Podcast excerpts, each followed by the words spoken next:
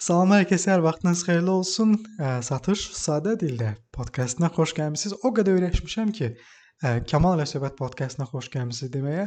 İndi birdən-birə adı dəyişdi, amma fikirləşirəm ki, Satış sadə dildə adı daha uyğundur bizim podkastda. Çünki mən sırf ancaq və yalnız satışla bağlı danışıram. Podkastımızın adından gördüyünüz kimi bu gün satışın alınmama səbəblərindən ikisinə toxunacağıq. Ümumiyyətlə Siz də bilirsiniz, mən də bilirəm ki, satışın alınmama səbəbləri çoxdur və bu sektora görə də dəyişir.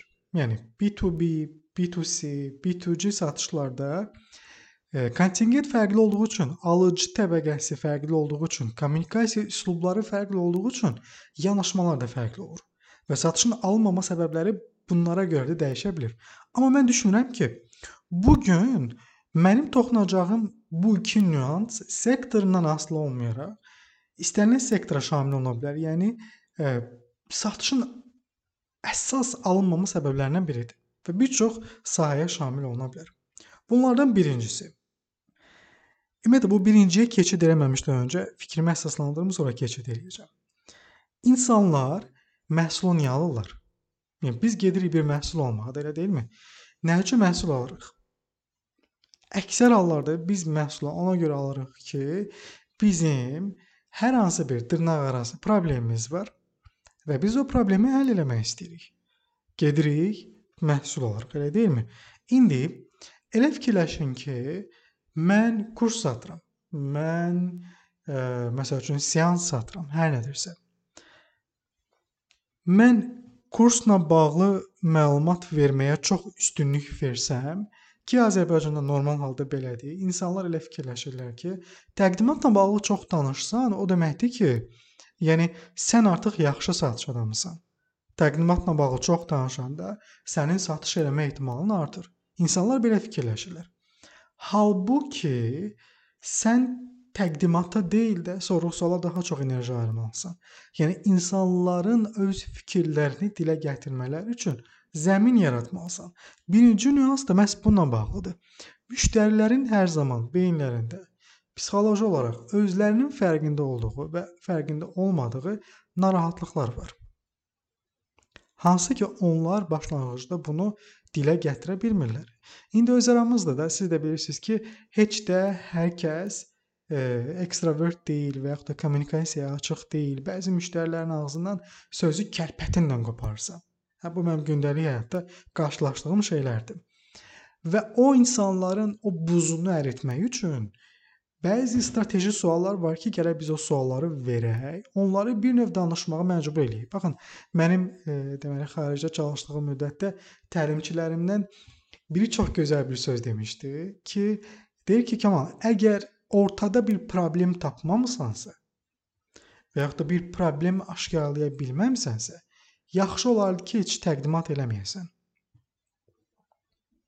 Biraz qəribə səslənə bilər, amma həqiqətən də belə baxanda məntiqlidir. Yəni mən sənə danışıram. Sənin bu məhsulla bağlı hər hansı bir problemin yoxdursa, yəni ümumiyyətlə bu məhsulun həll eləyə biləcəyi bir problemə sahib deyilsənsə, bu danışıq əsnasında mən onu müəyyən eləməmişəmsə, mən niyə danışım ki ondan? Elədir? Ona görə də biz əvvəlcə problem müəyyən etməliyik. Problem müəyyən etmək üçün də danışığımızda zəmin yaratmalıyıq və elə suallar verməliyik ki, müştəri beynindəki narahatlıqları dilə gətirsin. O dilə gətirdikcə açılacaq və artıq sənin üçün təqdimat eləmə zamanı yetişəndə biləcəksən ki, hə, bu təqdimatda bunu burdan çıxardım, çünki özü dedi ki, bunun buna ehtiyacı yoxdur və bura daha çox ağırlıq qoymalıyam, çünki özü dedi ki, bu məsələ ilə bağlı daha çox problem yaşayır. Bu birinci nüansdır. Yəni müştərinin öz narahatlığını dilə gətirməsi üçün şərait yaratmırıq. İkinci məsələ də ondan ibarət ki, biz çox danışırıq. Əslində bu e, birinci ilə əlaqəli deyil. Amma mən fikir verirəm, çox vaxtı insanlar yəni biz həddən ziyadə çox danışırıq. Adam yəni bir sual verir satış adamı bir sual verib arxasınca bir 25 dənə cümlə, yəni bitmiş bir fikir bildirir.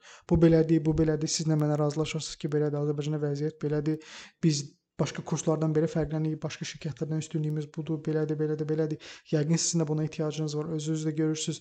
Yəni adam o qədər danışır ki, inanırsınız ki, mən bir çox şirkətdə audit edirəm, bir çox şirkətə təlim verməmişdən öncə gedib komandanın işləri ilə maraqlanıram və görürəm ki, İlahi, o qədər danışırlar ki, müştəri sanki bu mən çox vaxt təlimlərdə deyirəm. Elə bil ki, müştəri oturub televizoru və ya radionu açır və xəbərlərə qulaq asır.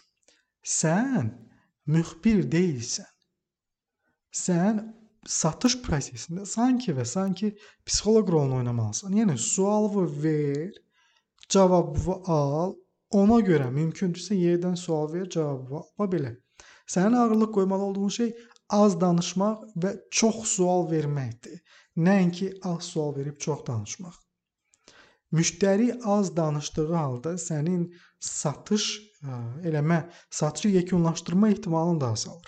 Müştəri çox danışanda, yəni sənə lazımlı olan şeyləri danışanda, o zaman artıq sənin əlində daha çox data yığılır və satışın bağlanma ehtimalı da artır.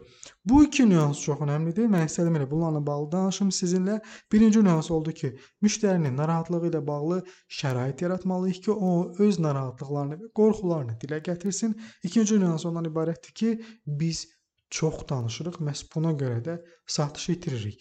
Çalışın ki, maksimum dərəcədə az danışıb, maksimum dərəcədə çoxlu suallar verəsiniz. Çox sağ olun məni dinlədiyiniz üçün, dəyərli zamanınızı ayırdığınız üçün. İnanıram ki, sizin üçün faydalı oldu. Özünüzü qoruyun. Hələlik.